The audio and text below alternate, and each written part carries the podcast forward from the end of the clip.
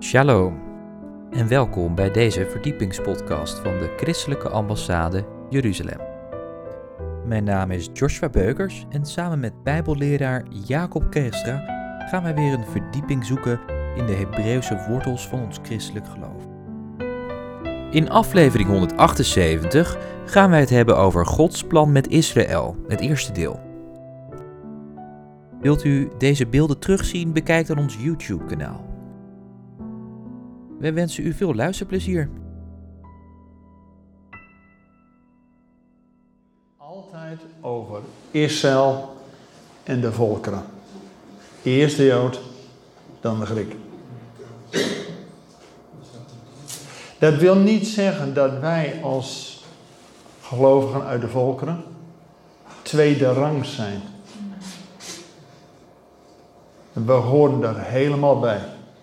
We zijn door het geloof mede burgers, mede heiligen en mede erfgenaam. Amen.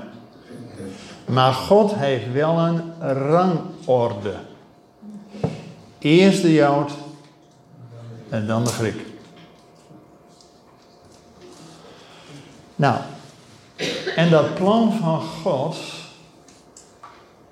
om uiteindelijk de wereld te bereiken met het evangelie. God heeft visie. God wil de hele wereld bereiken. En heeft daartoe het evangelie allereerst aan Abraham verkondigd. In u zal ik alle volken zegenen. Dus God gebruikt Abraham, Isaac, Jacob, volk Israël, om daarmee de wereld te zegenen. Nou, hebben we vorige keer over gehad.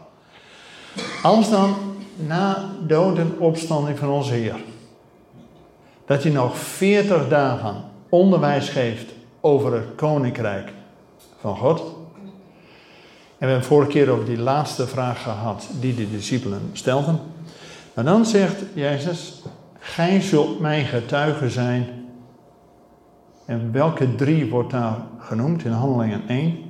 Gij zult mijn getuige zijn te Jeruzalem.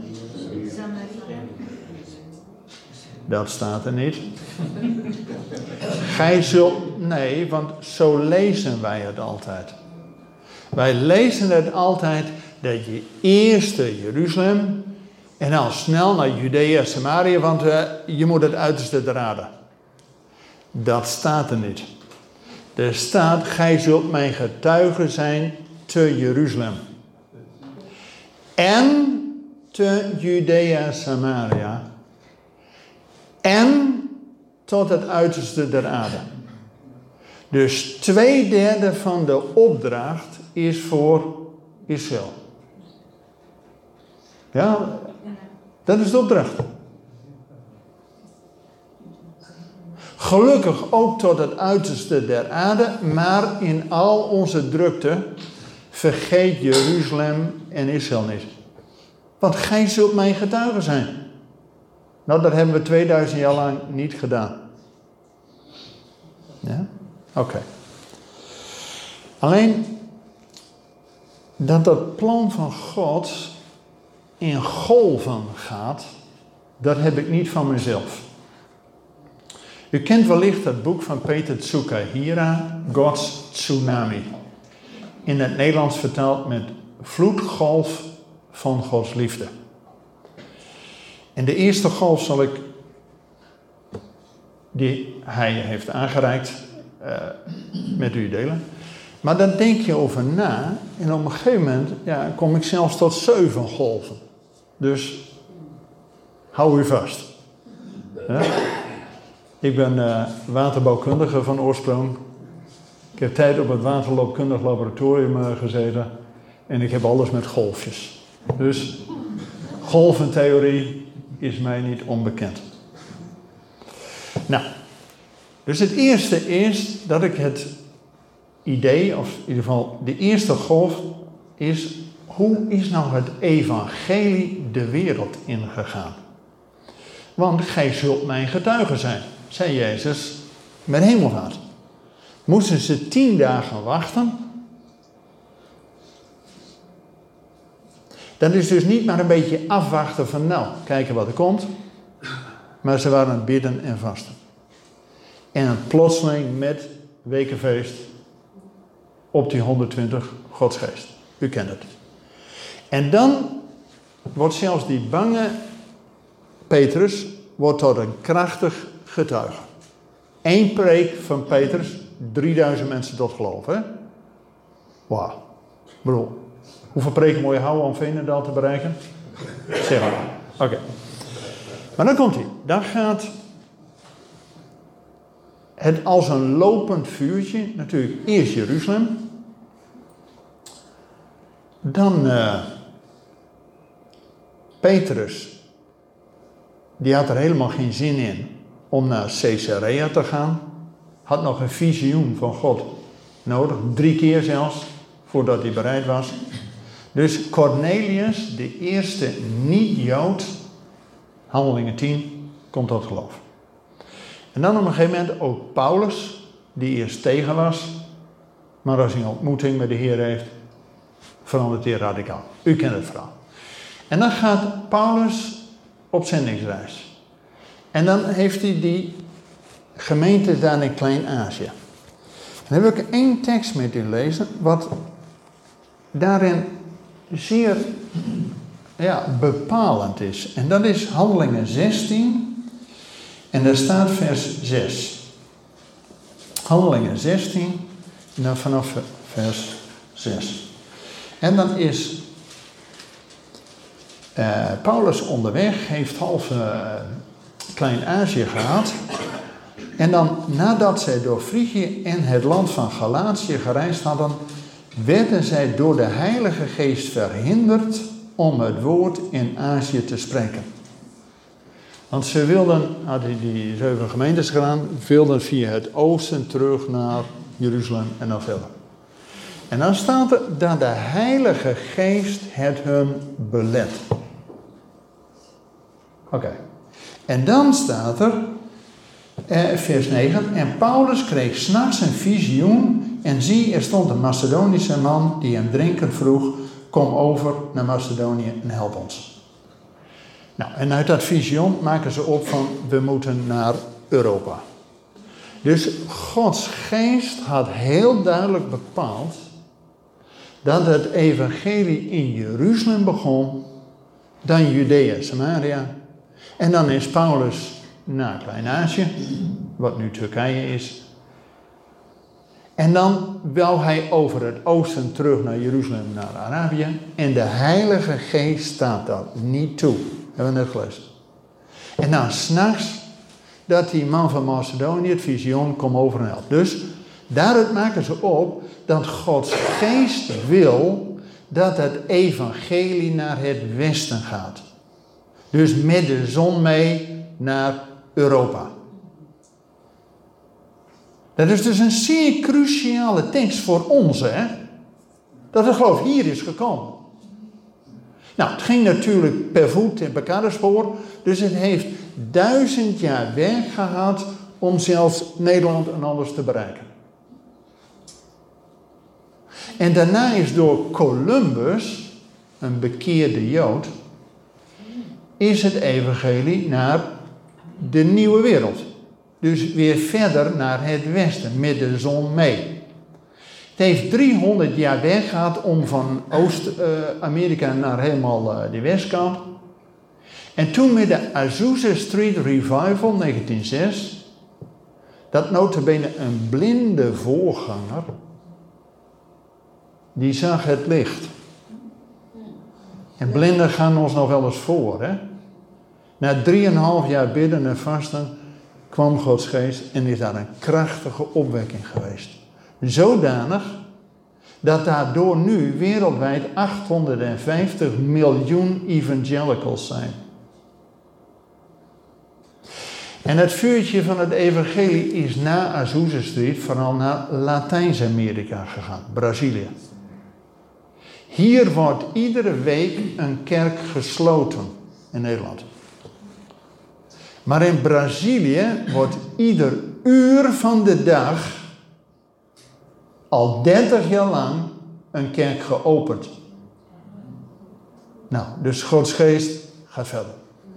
Inmiddels is in 1907 er een grote opwekking geweest aan de andere kant van de wereld in Pyongyang. Wat nu hoofdstad Noord-Korea is. Dan zeg je, broeder, Noord-Korea, dat is toch uh, top 1 van de 10 van uh, Open Doors. Je kent het toch wel? Klopt. Maar in 1907 was daar een gigantische opwekking. Alleen in de Korea-crisis heeft Rusland Noord-Korea bevrijd en Zuid-Korea door Amerika. Waar die bij elkaar kwamen is de grens. En Pyongyang ligt net aan de noordkant ervan. Daar mogen de christenen niet eens naar de hemel kijken, zitten ze in de bak. Maar twee derde van het bruto nationaal product van Noord-Korea wordt door die christenen die in de gevangenis zitten gemaakt. En in Zuid-Korea zijn de grootste kerken ter wereld. Alleen al die ene kerk van Kippur heeft 800.000 à een miljoen. Nou, ik weet niet wat voor visie je voor gebouw hebt. Maar er komt dus ochtends om 8 uur de eerste 100.000, die gaan om 9 naar de koffie. En dan komt de volgende 100.000 en zo gaat het door. En als je een bidstond hebt, ben je niet alleen. Als je snapt wat ik bedoel. En weet je, die Zuid-Koreanen, die kom je tegen op de muren van Jeruzalem. En die zijn gewoon een beetje fanatieker dan wij. Als die Bijbelstudie doen of als die bidstond hebben, dan gaan ze ervoor. En die mensen willen maar één ding. Het evangelie via China, via de zijderoute, de specerijenroute, back to Jeruzalem. Inmiddels heeft het evangelie China al bereikt. Er zijn 1,3 miljard Chinezen. Er zijn 70 miljoen lid van de communistische partij. Dus lang niet iedereen is lid van de communistische partij. Er zijn maar 70 miljoen. Er zijn inmiddels 130 miljoen christenen. En die doen wat goed is voor het volk. Net als wat er in Handelingen 2 staat. Alleen nu wordt eh, die regering een beetje bang, want ja, het aantal christenen is dubbel zoveel dan het aantal communisten. Dus nu worden ze ineens bang. Maar die specerijenroute en die zijderoute wordt nou met snelheidstrein en weet ik wat, dat de zendelingen gaan gewoon door. Hè? Weet u waar nu het evangelie is? We hebben natuurlijk gehad Klein-Azië, dan Europa, dan Amerika, dan Zuid-Amerika. Dan, het gaat ook steeds sneller. Zuid-Korea, China. Jongens, 50 jaar geleden was er eigenlijk geen kerk en geen gelovige in China. Hè? Dus dat gaat snel. Weet u waar nu de grens is waar het evangelie is? Iran. Weet je wel, van al die Ayatollahs en moelers en niks mag. Er komen 10.000 mensen per maand tot geloof in Iran. Zo. En die gaan nou de straat op en die willen meer uh, vrijheid. En vooral ook godsdienstvrijheid, hè? Oké. En weet u, de laatste hobbel voordat het terug is in Jeruzalem, is de Arabische wereld. Maar er gebeurt nou ineens van alles. In die Abraham-akkoorden, wie had dat vijf jaar geleden gedacht? En nu die Jezaja 19, hè, van Egypte naar Assyrië en terug, die begint gewoon. En dan wil ik u één tekst lezen, die kent u allemaal, Handelingen 2, het Pinkster-evangelie. En dan, uh, als de Heilige Geest is uitgestort, en die ene preek van Petrus. En daar staat er, ja, er zijn Joden uit allerlei werelddelen. Hè? Parten, Meden, Elamieten, inwoners van Mesopotamië, huppe de pup. En weet je wat nou de laatste is in die rij? Cretensen en Arabieren. Toch bijzonder dat de laatste in de rij, wat nu ook als laatste aan de beurt is, de Arabische wereld. En dat is een harde dobber, want dat heeft natuurlijk alles te maken met de verzoening tussen Jacob en Esau. Het zijn broedervolken, maar je weet broeders, dat gaat soms wel eens wat lastig met elkaar om. He? Ik vind het wel heel bijzonder dat, jongens, vorige keer hebben we gehad, Jezus kan pas terugkomen als het evangelie de hele wereld is doorgegaan. Het kan natuurlijk niet zo zijn als Jezus straks op zijn troon is en al die volken voor zijn troon eh, zijn eh, staan. En dat er één zo'n volk zegt van, nou leuk dat u er bent, maar wie bent u? Jongens, ja nee, dat is niet om, om, om te chargeren, maar u snapt de bedoeling hè. Ieder volk moet de gelegenheid hebben gehad. Wat ze ermee doen is aan hun, want God wil geen robots. Maar het evangelie is dus bijna de wereld rond. Zie je? Het is bijna back to Jerusalem. Omdat Gods geest wou dat het met de zon mee naar het westen ging. En steeds verder en steeds verder en steeds verder. En het is weer bijna terug in Jeruzalem. Dat is de eerste golf van de verspreiding van het evangelie. En dat het eerst duizend jaar werk heeft om Europa te bereiken, dan 300 jaar Noord-Amerika, dan 30 jaar Zuid-Amerika en nu gaat het heel snel. Met internet en, en, noem alles maar op. Dus het is ook een tsunami, een golf die steeds sneller gaat. Nou, dat is de eerste golf. Dan gaan we naar de tweede golf en dat is de verdieping. Dus niet de verbreiding, maar de verdiepingslag.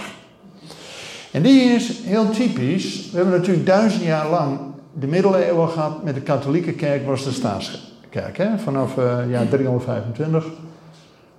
Concilie van Nicea tot 1500 was iedereen katholiek. Betekent algemeen. En vanaf de reformatie, 16e eeuw, kwam er een verdieping. Dus terug naar het woord. Weer een jaar, uh, sorry, een eeuw verder, 17e eeuw, kreeg je een verdieping.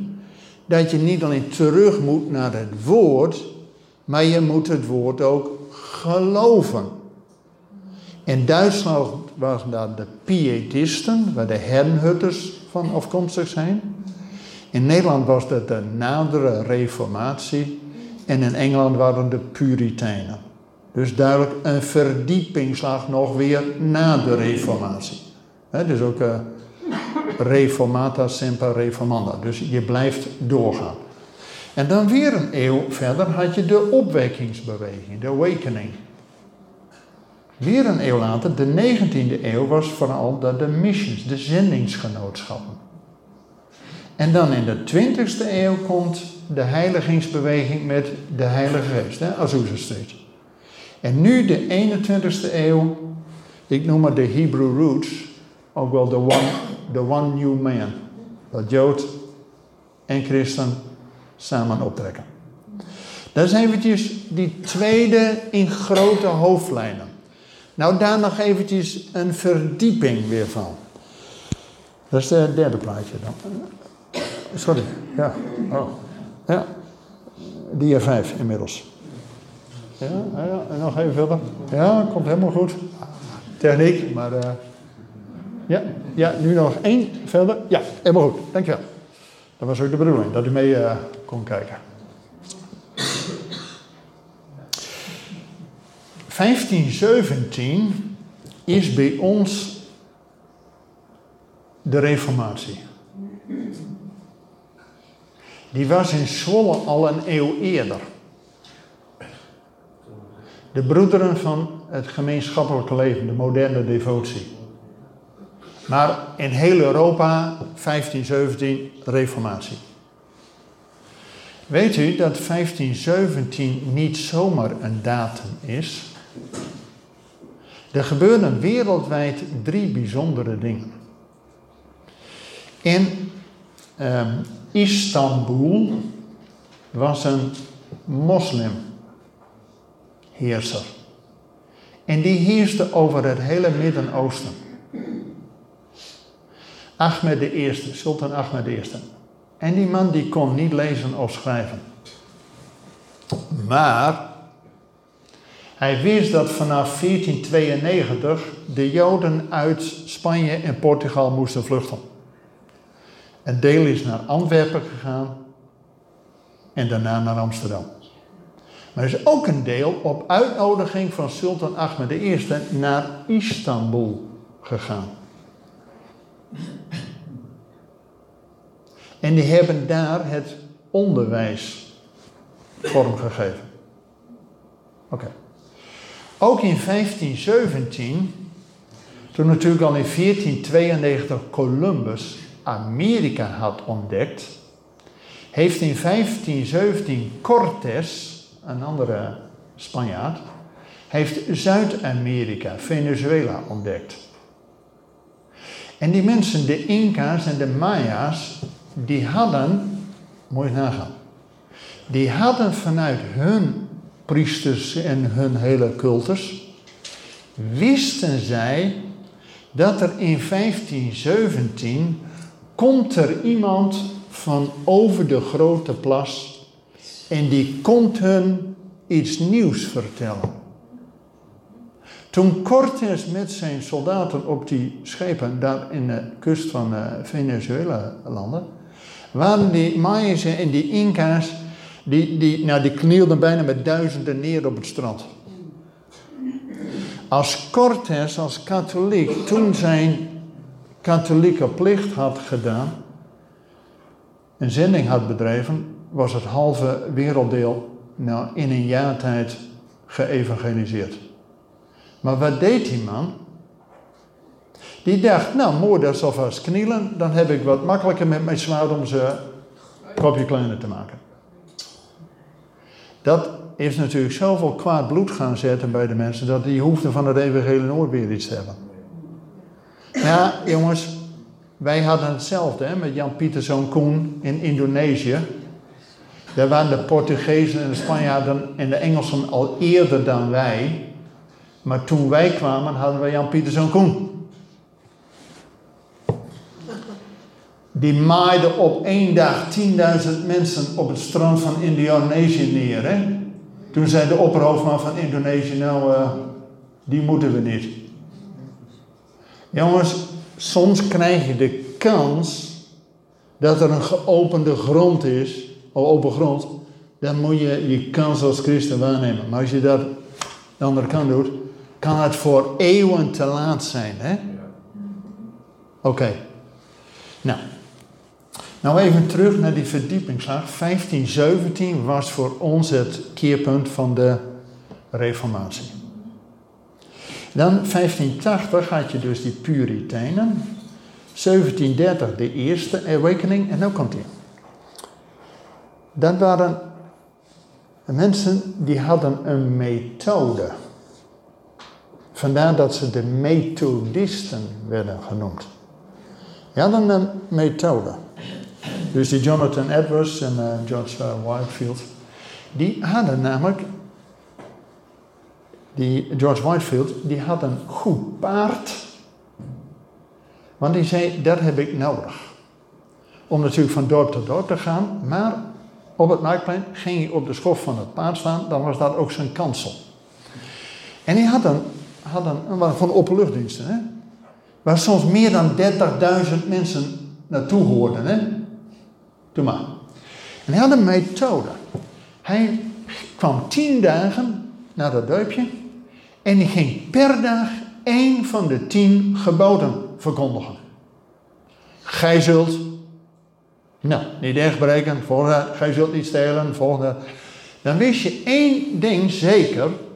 Na tien dagen, dan moet hij op zijn paard heel hard wegvluchten. Heel simpel. Als je die hele bevolking daar met de tien geboden confronteert, dan heb je na de tien geboden iedereen gehad, hè? Ene had, uh, nou ja, u kunt het wel niet stelen, niet ergbreken en niet begeren. Nou, dan was altijd wel één die zich aangesproken voelde. Dus na tien dagen ging hij maar heel hard op zijn paard weg. Een paar weken later kwam hij terug, als de moeder wat bedaan van, en dan verkondigde hij het evangelie. En mensen kwamen door berouw te hebben vanwege de tien geboden, massaal tot bekering. De eerste grote opwekking. Wat de methodisten. Dus dan waren we nog door de reformatie terug naar het woord. De nadere reformatie, dat je het woord moet geloven. En nou komt hij. 1830 had je de grote awakening. En dat waren met mensen als Charles Wesley, George Finney, noem maar op. En die hadden dat je weer een volgende slag. Dat je niet alleen terug naar het woord, het woord moet geloven, maar dat je je ook moet laten dopen. En ze kwam de baptisten. En dan, weer bijna 100 jaar later, kwam Azusa Street met de Pinksterbeweging. Dus, hoe gaat het nou? God geeft eerst verdieping dat je terug moet naar het woord. Want dat was in de middeleeuwen niet. Niemand had een Bijbel. Maar door de boekdrukkunst kon de reformatie zo snel de wereld in. Dus door de boekdrukkunst, was de, wat nu internet is, was toen de boekdrukkunst. Dus dan kon men het zelf lezen. Je was niet van de priester afhankelijk, maar je kon het zelf lezen. Dus terug naar het woord. Dan het woord geloven. Dan het woord ook laten uitwerken dat je bekering en laat dopen. En dan de Pinksterbeweging, dat je niet alleen moet laten dopen, maar je hebt ook Gods geest nodig. Wauw, dat is weer een verdiepingsslag. God geeft dus golven om steeds verder eigenlijk te naderen tot Hem. En dan,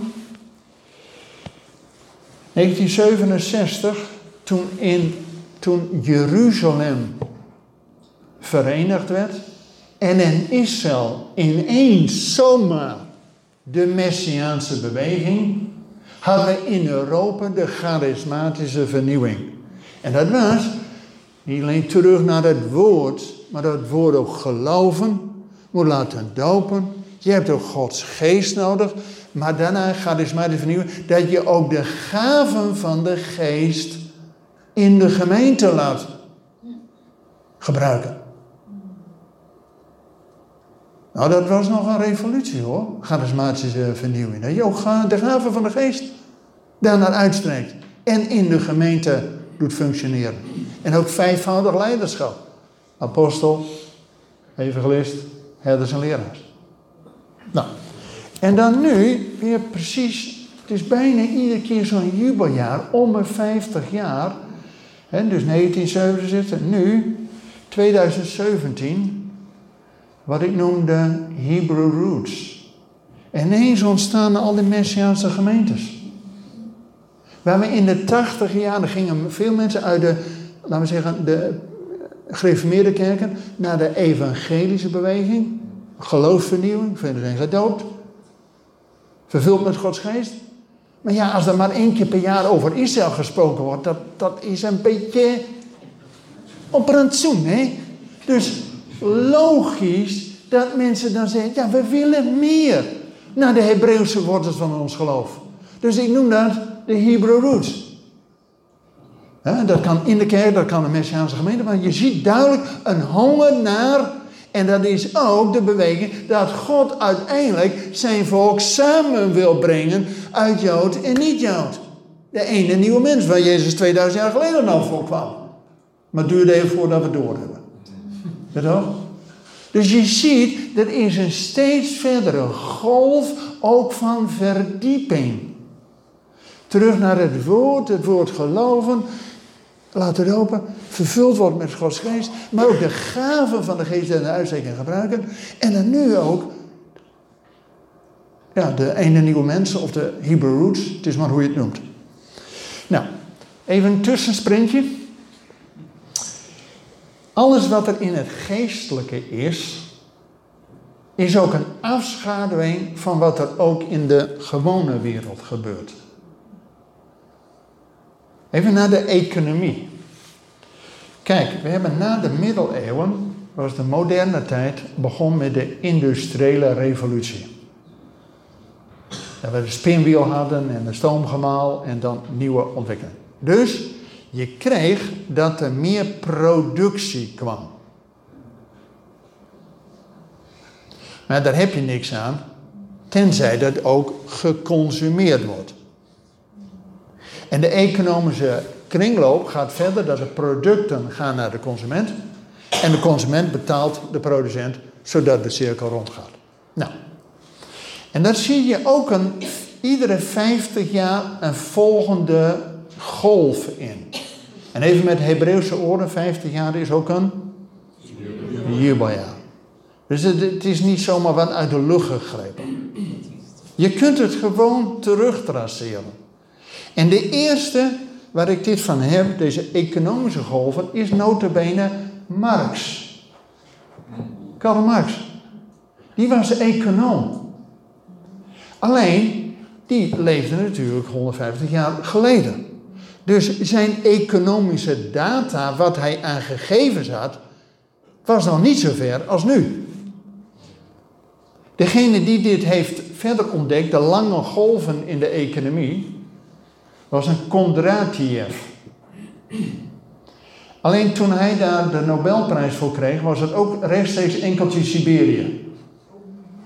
Want dat was tegen de officiële partijlijn van de communistische partijen. Want Marx had gezegd, ja, door de industriële revolutie was het kapitalisme uh, echt omhoog gegaan. Maar ja, allemaal kinderarbeid en weet ik wat, dat gaat niet goed. En de slechte uh, omstandigheden voor de werkers. Dus het zal gewoon de grote kladderadatsch. En dan komt het communistische zeilstaat. Dat was, dat ben weer de spelende mens, hè, de homo ludens en weet ik wat. Nou ja, oké.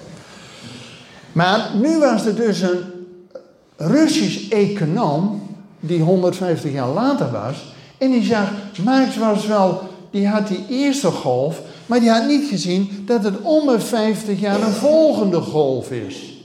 Nou, eventjes naar Nederland toe. We weten dat ook de industriële revolutie hier natuurlijk is geweest. Begon in Engeland en toen ook in de rest van Europa. En in Nederland was het met name koning Willem I, die in 1830 zorgde dat de productie door kon gaan, maar dat ook sneller naar de consument die elders woonde. Kijk, als je gewoon ecologisch boer bent en je eigen moestuin hebt en je verbouwt het en eet het zelf op, prima. Maar door de moderne economie is de productie in een fabriek, hier, en de consument die woont in een woonwijk daar. Dus er zit ruimte tussen. Afstand. En koning Willem I had door, als je nou de economie wilt stimuleren, moet je zorgen dat je sneller van A naar B kunt. Dus hij ging in heel Nederland, was werkloosheid, hij ging waterwegen aanleggen. Het Koning Willem I kanaal, het Willem I spoor, eh, noem maar eens op, allemaal waterwegen. Dat was toen nog de trekschuiten, weet wat. Maar daarmee kon je sneller van A naar B. Dat gaf weer een enorme stimulans aan de economie. Dan konden producten sneller bij de consument. Dat middeltje was 50 jaar later uitgewerkt. Dus toen kwam ineens de ijzeren waterwegen, ook wel de spoorwegen. Heel Nederland, de NS, in 1880, 1890, in 10 jaar is heel Nederland met sporen bezaaid. Daarna heeft het 100 jaar geduurd voordat er weer een spoor werd aangelegd. Ik heb ooit meegewerkt aan de bouw van de Schipholtunnel. De Schiphollijn van Amsterdam naar uh, Den Haag, dus van de Hofstad naar de Hoofdstad. Toen leegwater in 1830 de Haarlemmermeer droogpompte, was er al de gedachte, we gaan een trein aanleggen van A naar B. Het heeft 150 jaar geduurd. Ja, 1979, 1980. Toen is hij pas gerecht gekomen. Oké.